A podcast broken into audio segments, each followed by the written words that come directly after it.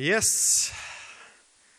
God eh, morgen, eller god eh, formiddag eller ettermiddag, eller Jeg vet ikke hvor mange kaffekopper du har fått til deg. Eh, men kjekt å se dere. Pers to personer syns det var kjekt å se meg her i dag.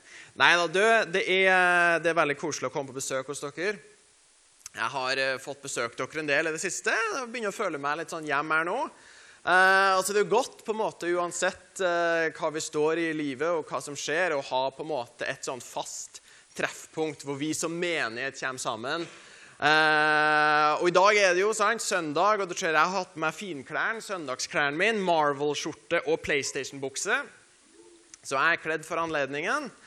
Eh, og så skal jeg jo snakke da om, eh, om, eh, om Jesus og sånt. Det har du kanskje forventa, da.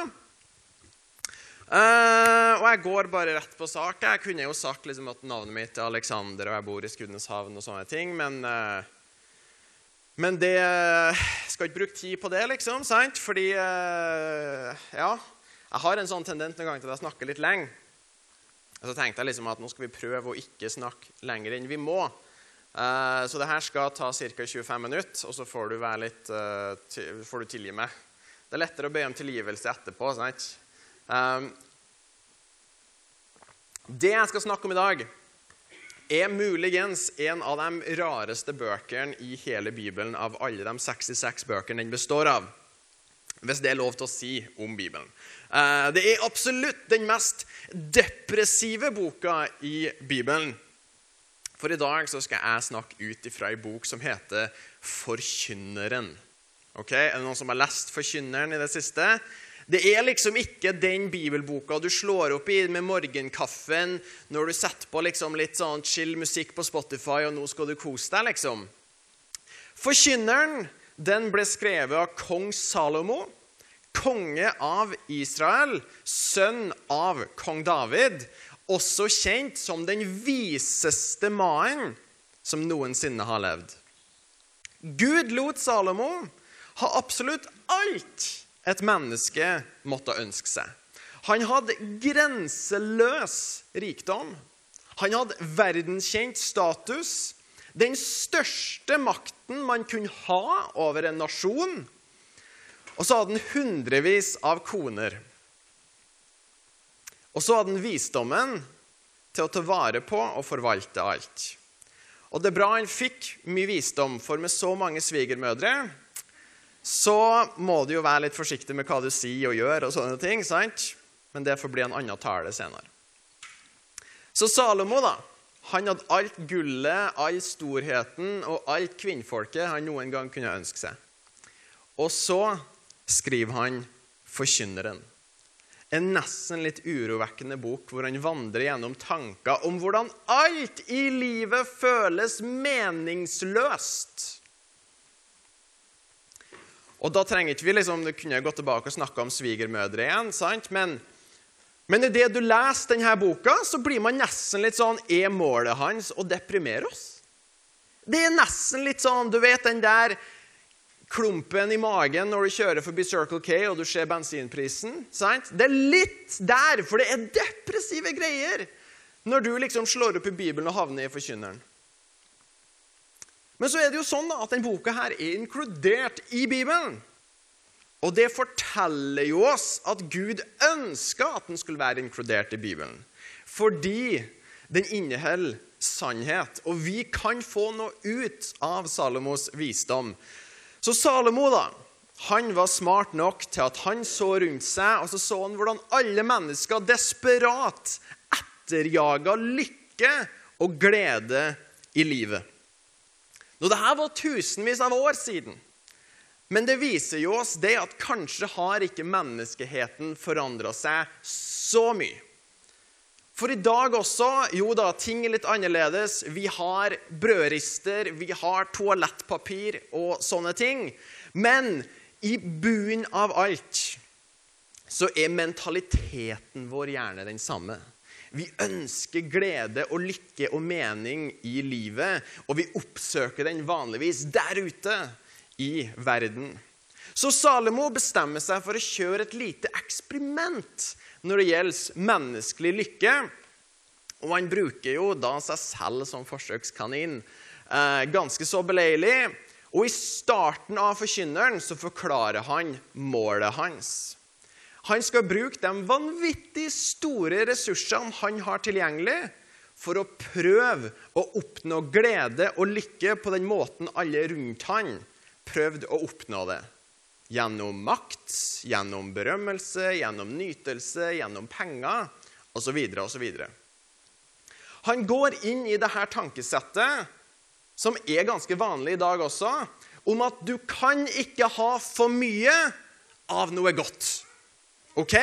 For hvis litt penger, og hvis litt makt, og hvis litt sex føles godt ut, så burde jo kjempemasse av de tingene være den ultimate kilden til liv og glede.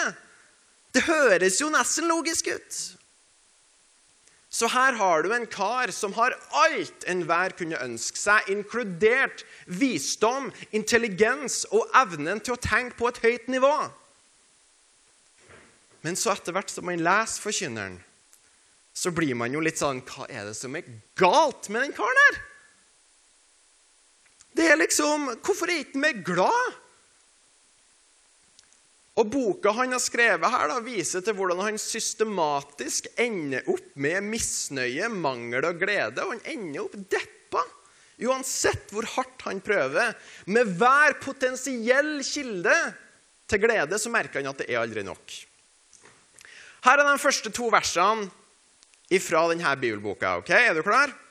Ordene til forkynneren, Davids sønn, konge i Jerusalem. Tomt og verdiløst sier forkynneren. Tomt og verdiløst. Alt er tomhet. Og Det er liksom, det høydepunktet i boka. sant? Og så går det bare nedover derifra. Og Videre da, så ser du liksom systematisk hvordan Salomo går igjennom alle de tingene her som både vi og folk på den tida mente var det her er det som skal få deg til å leve det gode liv. Men Salomos opplevelse virker kynisk. Og Jeg skal ta for meg et par tema, bare noen sånne kjappe bibelvers om det. Så håper jeg at du henger med og forstår dialekta mi og alt det der. Jeg kan ta bibelversene på bokmål, da, sant? da høres de litt mer sånn fancy ut. da. Men blant annet så snakker Salomo i kapittel 1 om intelligens. Okay? Det verdsetter jo vi som bor i Norge, og vi er så utdanna og så smart. Og så skriver Salomo.: For med stor visdom følger stor sorg, og den som øker sin kunnskap, øker sin smerte. Wow. En annen ting han tar opp som er veldig big, det er jo nytelse. sant? Et par vers etter hvor han beskriver alle hustruene og sangerinnene han har. Så skriver han i kapittel 2 jeg holdt ikke tilbake noe av det mine øyne begjærte etter. Jeg nektet ikke mitt hjerte noen lykke.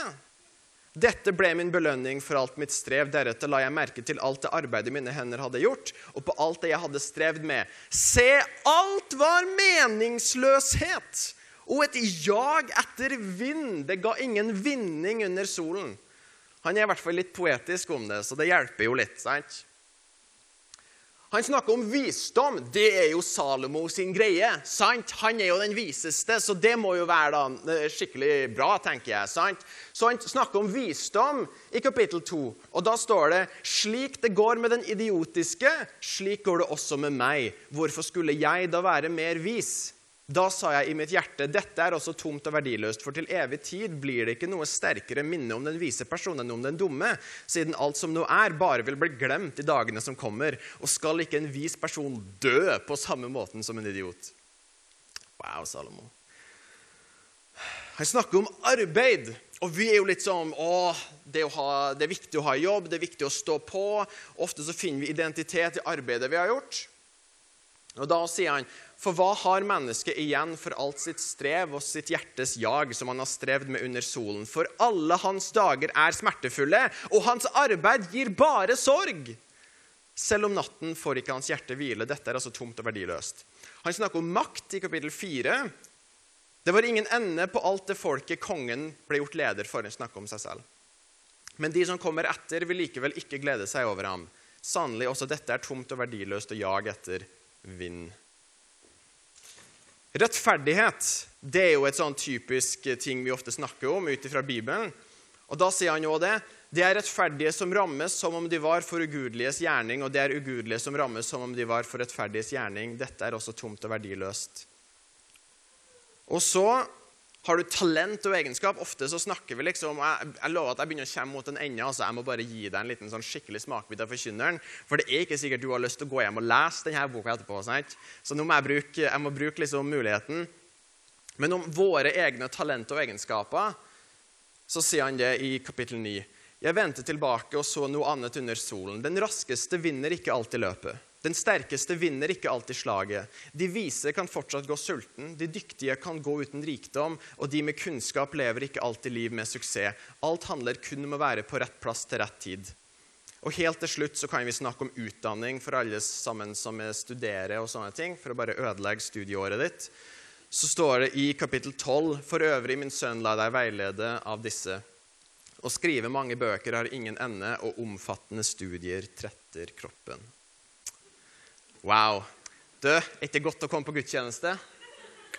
Amen. Det er Det er, det er depressive greier, altså.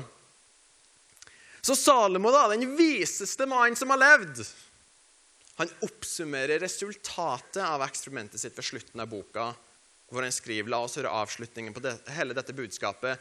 Frykt Gud og hold Hans bud. Dette skal alle mennesker gjøre. Nå, jeg tror vi kan trygt si det at ingen av oss kommer til å ha tilgang til mer rikdom og makt enn det Salomo hadde. Hvis det er noen som har det, så vil jeg bli kjent med deg. Bare sånn. For jeg kunne tenkt meg å kjøpe meg hus og litt sånne ting etter hvert. Men ingen av oss har så mye som Salomo har når han gjør det her. Men han, det gikk ikke. Men er ikke snodig, folkens, hvordan vi mennesker vi fortsetter å Vi fortsetter å prøve, gjør ikke vi det? I egen, I egen styrke, og vi strever og vi strever. Og på et eller annet tidspunkt tror jeg vi er nødt til å bare innse at hvis vi er misfornøyd i livet med pengene vi tjener, eller jobben vi har, eller ekteskapsstatusen vår, så vil ikke det være en endring der som leder nødvendigvis til at man går fra misnøye til glede. Jeg tror det at de her tingene kan ikke endre en ulykkelig person til en lykkelig person. Og da mener jeg ikke at ikke både det og andre ting kan gi oss midlertidig glede og lykke. For det kan det jo. Det er et, et, et utsagn som du kanskje har hørt på engelsk, som sier 'Money can't buy you happiness'. Penger kan ikke kjøpe deg glede. Og, og, og det stemmer jo ikke. For jeg blir veldig glad når jeg kjøper meg en ny kaffemaskin et par uker tilbake. Fantastisk. Lager både americano og latte og, og cappuccino og sånne ting. Kjempeglad, sant? Og kjøper meg en ny TV når det var Black Friday i fjor. Når jeg kjøper meg et nytt spill til PlayStationen min. Jeg blir jo glad. Men forskjellen er at du kan ikke kjøpe deg glede som vare. For da må du kjøpe mer. Og da må du kjøpe mer. Og så er det liksom Hvor mange kaffemaskiner kan jeg ha da? i en leilighet i Skudeneshavn? For en del nytelser fungerer litt sånn for oss. Også en del ting som kanskje ikke er så bra for oss, fungerer på den måten at du må alltid ha mer. Og ting som når mennesker sliter med avhengighet til narkotika eller alkohol eller pornografi, så er det det at ja, det kan gjøre deg glad i noen timer. Men så står man igjen enda tommere enn det man var på forhånd. Så ironisk nok så er ikke meninga med dette livet funnet i dette livet. Når Salomo sier 'frykt Gud og hold hans budskap', så mener han med det at det ultimate målet med dette livet, som gir mening, handler ikke om å greie å oppnå lykke på egen hånd. Målet med dette livet handler om Gud. Og hvis fokuset ligger på Gud, så vil det gi mening til livene våre. Og så bruker han ordet 'frykt Gud', og det var alltid liksom det som gjorde 14-årige meg sykt stressa. Når jeg liksom, Nå skal jeg lese litt i Bibelen, og så var det 'frykt Gud'. Og så tenkte jeg sånn, oi shit, liksom, nå. Hva, hva betyr det? For frykt her betyr ikke skrekk og terror og redsel.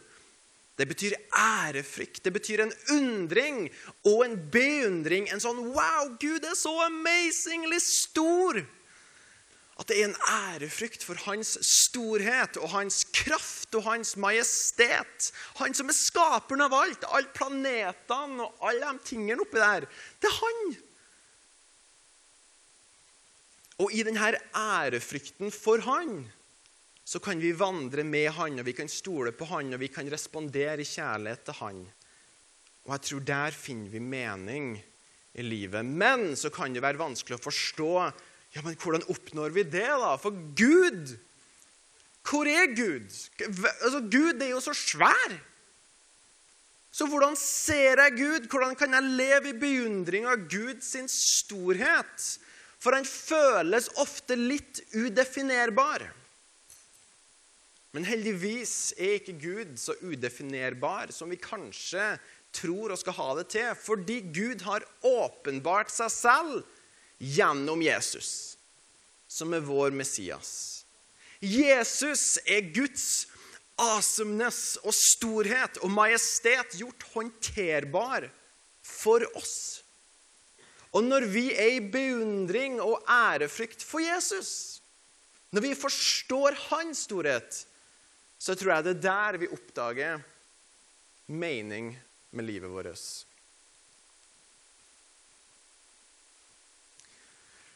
Men så er det jo sånn da at noen av oss som anser oss selv som uh, følgere av Jesus, vi kan jo fortsatt oppleve litt forvirring, og at livet kan oppleves litt komplekst noen ganger. Og jeg merker at i mitt eget liv når ting føles vanskelig, når denne etterfølgelsen og vandringa med Jesus føles komplisert ut, når livet er litt sånn, så er det ofte et resultat av én ting. Og det har jeg liksom greid å, å, å oppdage litt i mitt eget liv, og det er jo gjerne fordi jeg er gift, sant? og da har du alltid noen som peker på Her er det noe.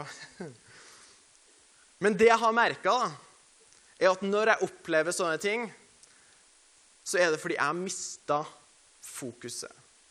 Noen ganger litt, noen ganger veldig. Men jeg har mista fokuset og blikket på den ultimate kilden til mening i livet. For når livet først og fremst handler om Jesus, og hva Jesus er i stand til å gjøre, da er egentlig ikke ekteskapet så komplisert og vanskelig. Da er ikke å ta de rette valgene på arbeidsplassen så komplisert og vanskelig.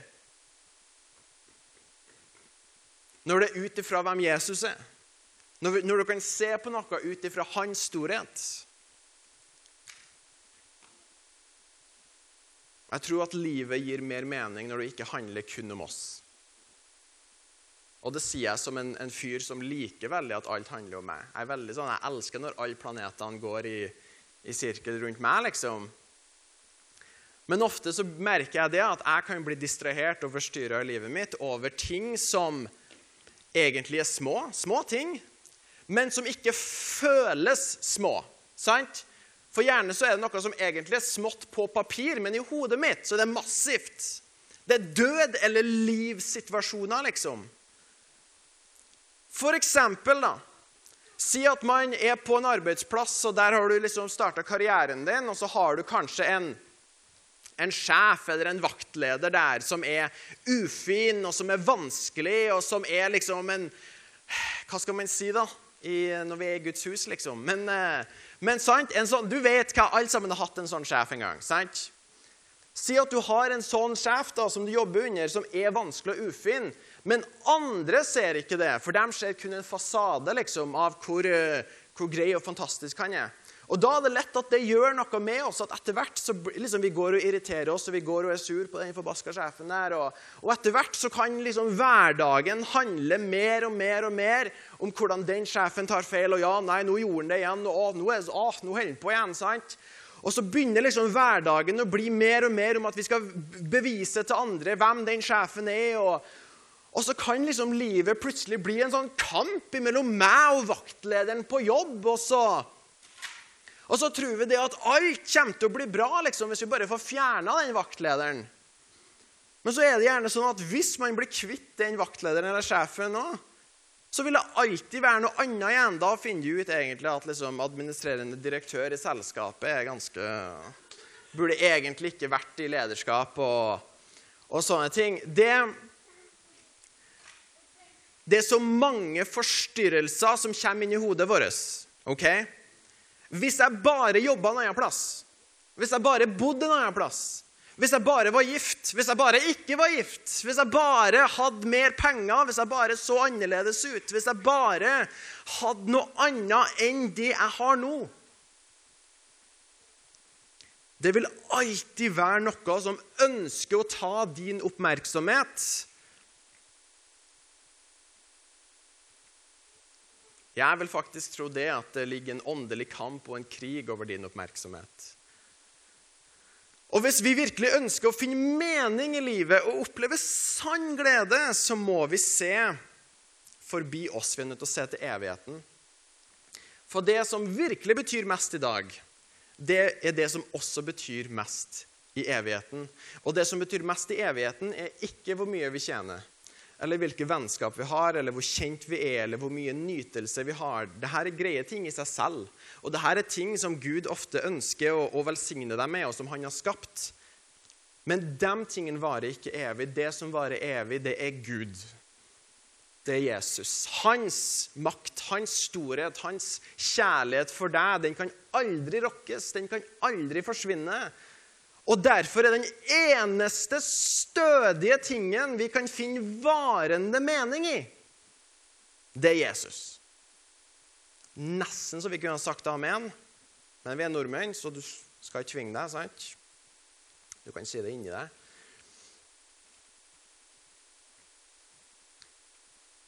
For å, Jeg hopper litt sånn fram og tilbake i dag, folkens. Jeg håper det går bra. Én eh, ting som du skal få lære om meg i dag nå, er at jeg er faktisk ganske glad i interiørdesign. ok? Du, den så ikke du komme. Uh, men jeg er faktisk det. Jeg elsker sånne ting. Det er sikkert fordi jeg, jeg har spilt altfor mye Sims. Uh, og jeg, liksom, jeg spiller Sims, og jeg er proud of it. Liksom. Jeg skjemmes ikke engang.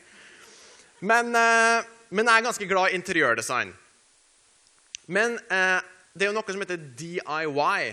Sant? Do it yourself hvor du liksom lærer deg å bygge ting, og du maler ting selv, og du fikser ting. Og det er ikke helt meg. Jeg, liksom, jeg fikk aldri nådegaven og verktøysbruk. Det, eh, Gud liksom passerte på den når det kom til meg. Så istedenfor DIY så foretrekker jeg BIY, buy it yourself.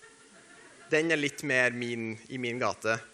Um, men i denne interessen for interiørdesign da, Uh, og jeg vet liksom ikke alle mannfolk er kjempeinteressert i det. Og de fleste kompisene mine får liksom Red Bullen i halsen når de hører at jeg liker å dra til Ikea.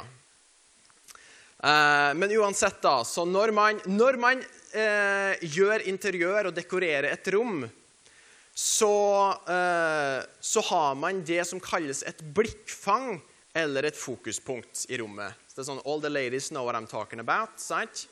Men, men, eh, men, hvert rom skal ha et fokuspunkt som øynene blir på en måte automatisk dratt til. Gjerne er det en stor dekorasjon, det kan være en, en vegg som skiller seg ut. Det kan være et, et hjørne som liksom alt peker imot i rommet.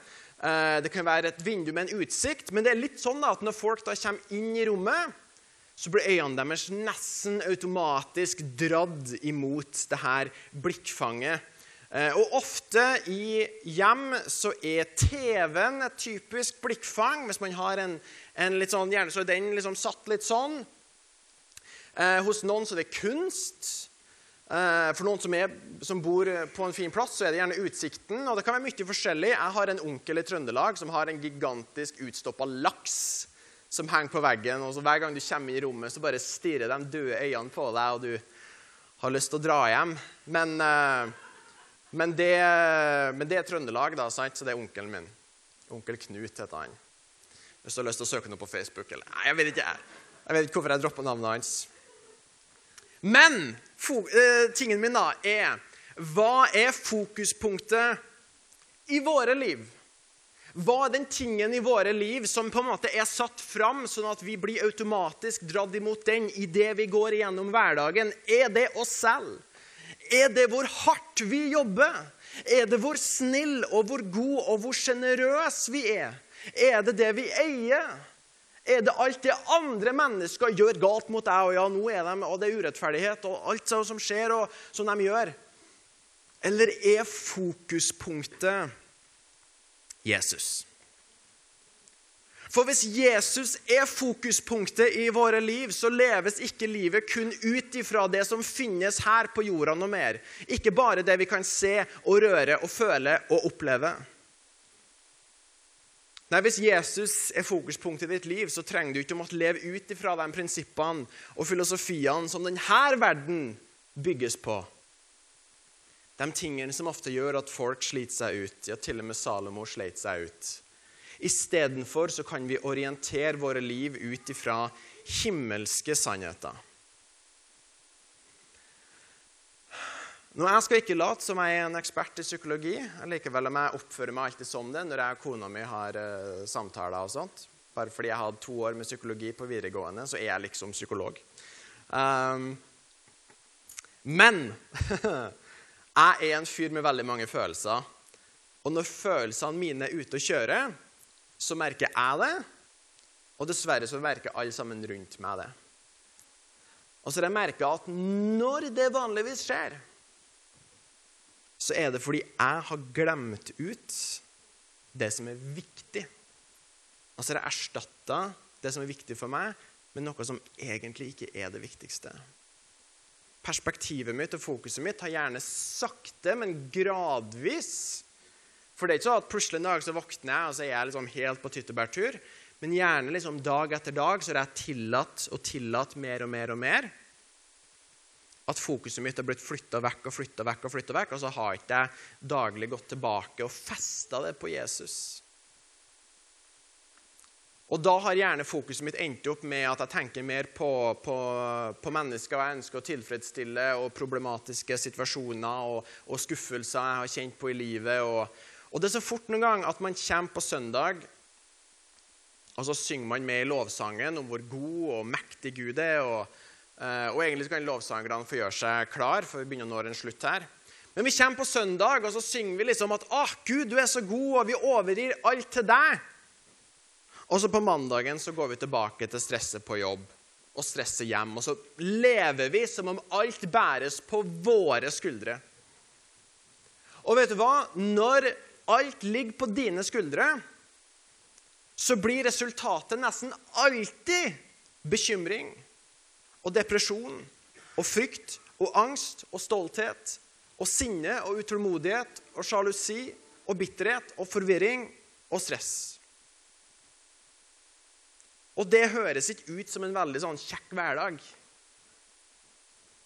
Så er det ikke med deg, men jeg foretrekker jo et liv som er bygd ut av hvile og fred og klarhet og glede og mening. Det er, det er lister som er litt kjekkere å basere livet sitt ut ifra. Og når Jesus igjen blir fokuspunkt i våre liv Og det er ikke alltid så lett, og det merker jeg liksom, jeg skulle ønske det skjedde automatisk. Men jeg er nødt til å våkne opp noen ganger, og så har jeg en kjempedårlig dag, og så må jeg bare bestemme meg for vet du hva, Jesus? Jeg trenger at du er fokuset mitt nå. Jeg trenger din hjelp til å ikke bare se ut på alt det som foregår.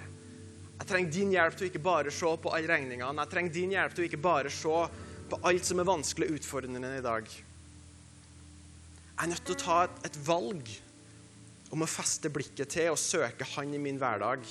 Og jeg tror det er der vi finner liv. Og det er ikke sånn at alt plutselig gir mening med en gang. Vi velger å flytte blikket til Jesus, men, men da kan vi i hvert fall trygt legge tillit til at Jesus forstår det vi ikke forstår. Jeg trenger ikke å forstå alt. Jesus kan håndtere det jeg ikke kan håndtere. Jeg ser ikke alltid hvordan det kommer til å skje, men jeg vet hva Jesus sier.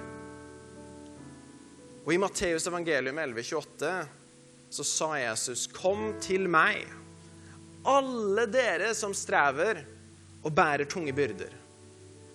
Ja, kom til meg med bekymringene dine.